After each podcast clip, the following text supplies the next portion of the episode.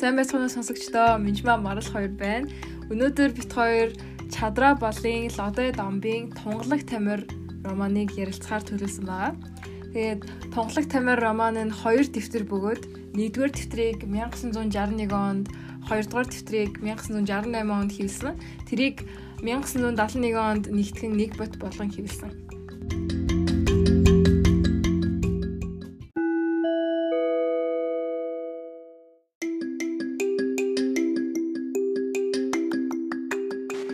Лодой Дамбал 1917 онд Говь Алтай аймгийн Тайшир сумын нутагт төрсэн бөгөөд Мүйс болон Москвад нийгмийн ухааны академид урлаг сурлагын ухааны дэд эрдэмтний зэрэг хамгаалсан.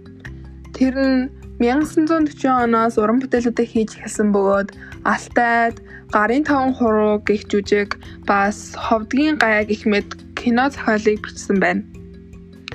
Романыг хэрхэн бичих талаар газар газрын онол өөр болдог бөгөөд олон янзын онол байдаг.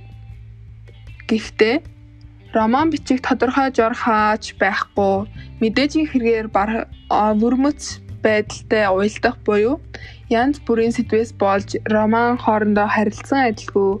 Ийм ч учраас Лодой Дамбын энэ роман бол Монгол орны өвөрмөц байдал түүний түүхэн үзэгдэлтэй салшгүй холбоотой болжээ.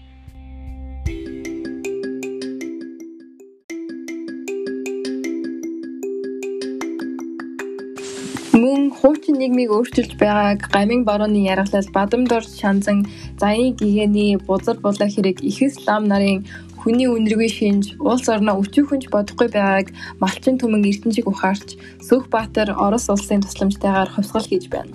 Тэрч байтугай төрийн хэрэгт хамаагүй амин хуваа бодож явсан гэрэл хүүхэн шиг хүмүүс энэ тэмцэлд хамрагдан амиараа хувьсгалын хэргийг хамгаалж байна.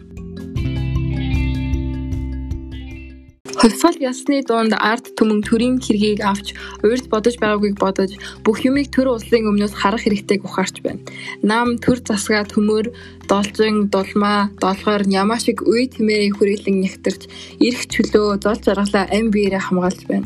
Энэ нь үндэсний ухамсар сэргэж сэргэн мандалтын төлөө өвдөл санаа нийгмийн анги давхаргын бүх хүмүүсийг хамран нөлөөлж буйг Дайн дэлхийн хөдөлмөрч улны хувьсгалт тэмцэл түүний туяаны хүчирхэг нөлөөтэй холбон хүүхэн үнний хуулийн дагуу дүрсэлснийг үтгүүлнэ.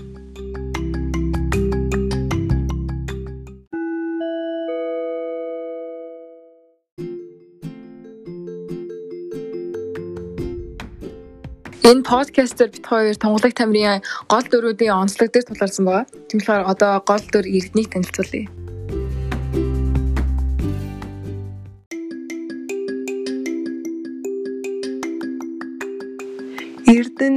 Гэр бүлийн хамтаар засагт хааны нутгаас оргон зайлж луу гүний хошуун дэрж этгэлт баяны зарц болж байгаа нь эхлэл хэсэг болно. Эрдэнэ бол эгэл нэгийн ард гэвч түүний амьдрал улс үндэсний хувь заяатай байлаа. Гадаа төрхөөрөө бол Эрдэнэ 30 орчим насны хар ажилтай хүн нар салхинд гандаж хэр хөөсөн нэвтэрч урагцсан дээлээ 9 өнгийн ямаар нөхсөн болохоор Ямар юмар хийсэн мэддэхгүй ажээ. Хахар дөрүүлчин мөрөндөө утаа босон цахиур хөндлөн үрсэн дайхарсан бүдүүн гизгээ хөх ямбуу хар хөмсгөнд орох дүрлэгээр нүдэн нь удаан цавчиж хөөс даварлсан хөрөн өрөнд нь урт замын алчаал илэрч гүн бодол автагдан хөрлийнх нь ядарсны хажээ. Эрдэн засаг ноёнтойгоо заргалдаж нутгаасаа гарсан түүнийх нь амьдралд маш том нөлөө үзүүлж хувь тавиланг нь оронгоор нэрвүүлсэн үйл явдлыг эхлэлд харуулдаг. Эрдэнэ бол засагт хаан хошууны олгонууд нутгийн хүн багаас ядуу өссөн ба эцэг эхээс өнчөрж хосорсон айл зарагдан бор хоныг өнгөрөөдөг байжээ. Богдын хүрээнд очсон түүний зам шулуухан байсангүй.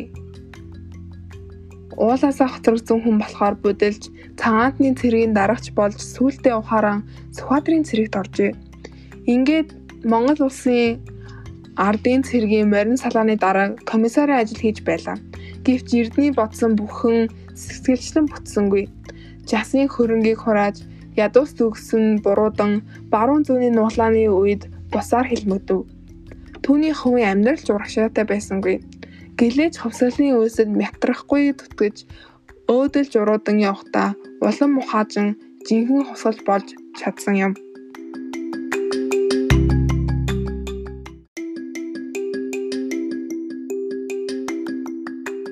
Төмөр бол 16 наснда шилийн сан ирчүүдтэй нийлж улмаар нас бий гүйцээж эрмэг зориг ирч чадал ухаанаар гайхагдсан засагт ханы захиур төмөр хэмээн нэрлэгдэж шилийн сан ирийн амьдралаар явах болов.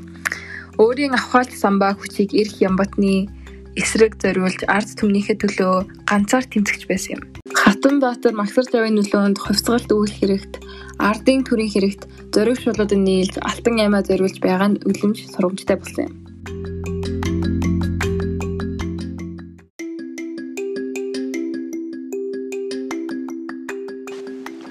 Итгэлт баян бол Эрдний эзэн байсан бөгөөд итгэлт нь зөвхөн уран зохиолын дүр биш бидний дунд амьдарч байх шиг санагддаг нэгэн дүр юм. Итгэлт нүгэлтэй ч гэсэн буянтай ч гэсэн түүнд аж ахуйн хослох авьяас заяасан тэр ажилч хүн тэр сэргэлэн алсын хараатай альва тохируулан хийж чаддаг бас зарим хүмүүсийн хэлэхээр суусан газараасаа шороо хатгаж чаддаг хүн юм. Үүндээ ухаан зарж зүтгэж байж луугүйний тэрүүн баян болсон юм. Тэр үнэхээр хожооны нарийн тооцоотой. Харин муу тал нь бол залжин зантай бөгөөд өөрийн эрх ашигыг төлөө бусдыг ашигладаг өөрийнх нь эсрэг хүн гарч ирвэл сүрдүүлж, хуурч, хахуулдаж бүхнийг нь гүйцэлдүүлж чаддаг. Бас тэр Эрдэнийн гэр бүлийг баснуулсан байна. Итгэлийн дүр өнөөдөр бол ёстой зах зээлийн үеийн жинхэнэ баян хүн юм.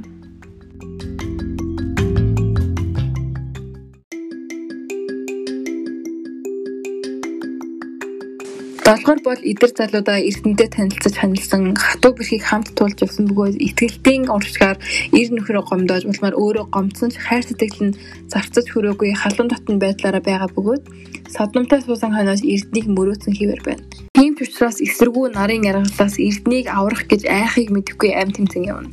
Түүний нинжин сэтгэл бас луутыг зэрэг эсэргүүцтэй илэрхийлж байна.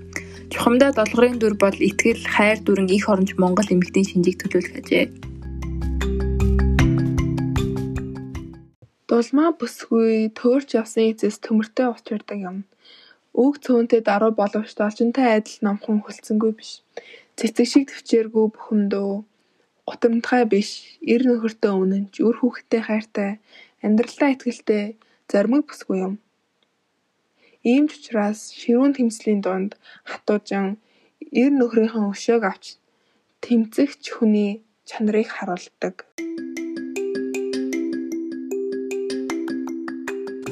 Гэрэл бол хөвшин ноёны хатнаар бутлагдсан очсон эрдэнтэй учирч хайр сэтгэлийг мэдэрч түүний төлөө хатуучин тэмцсэн. Гэвч их өмнөний үед амир үздэг. Жинхэнэ хайр сэтгэл тэмцлийн явц хүнийг яаж өрсөж болдгийг энэ дүрээс харж болно.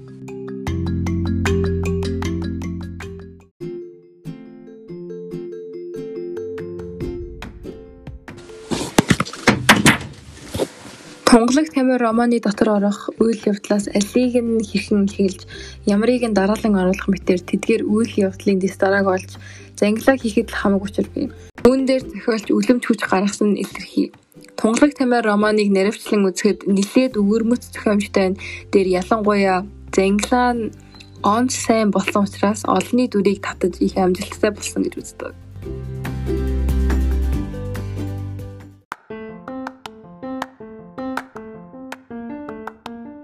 Ингээд манай подкаст үгээр өндөрлөж байна. Сонссонд баярлалаа. Өдрийг сайхан өнгөрүүлээрэй. Баяртай.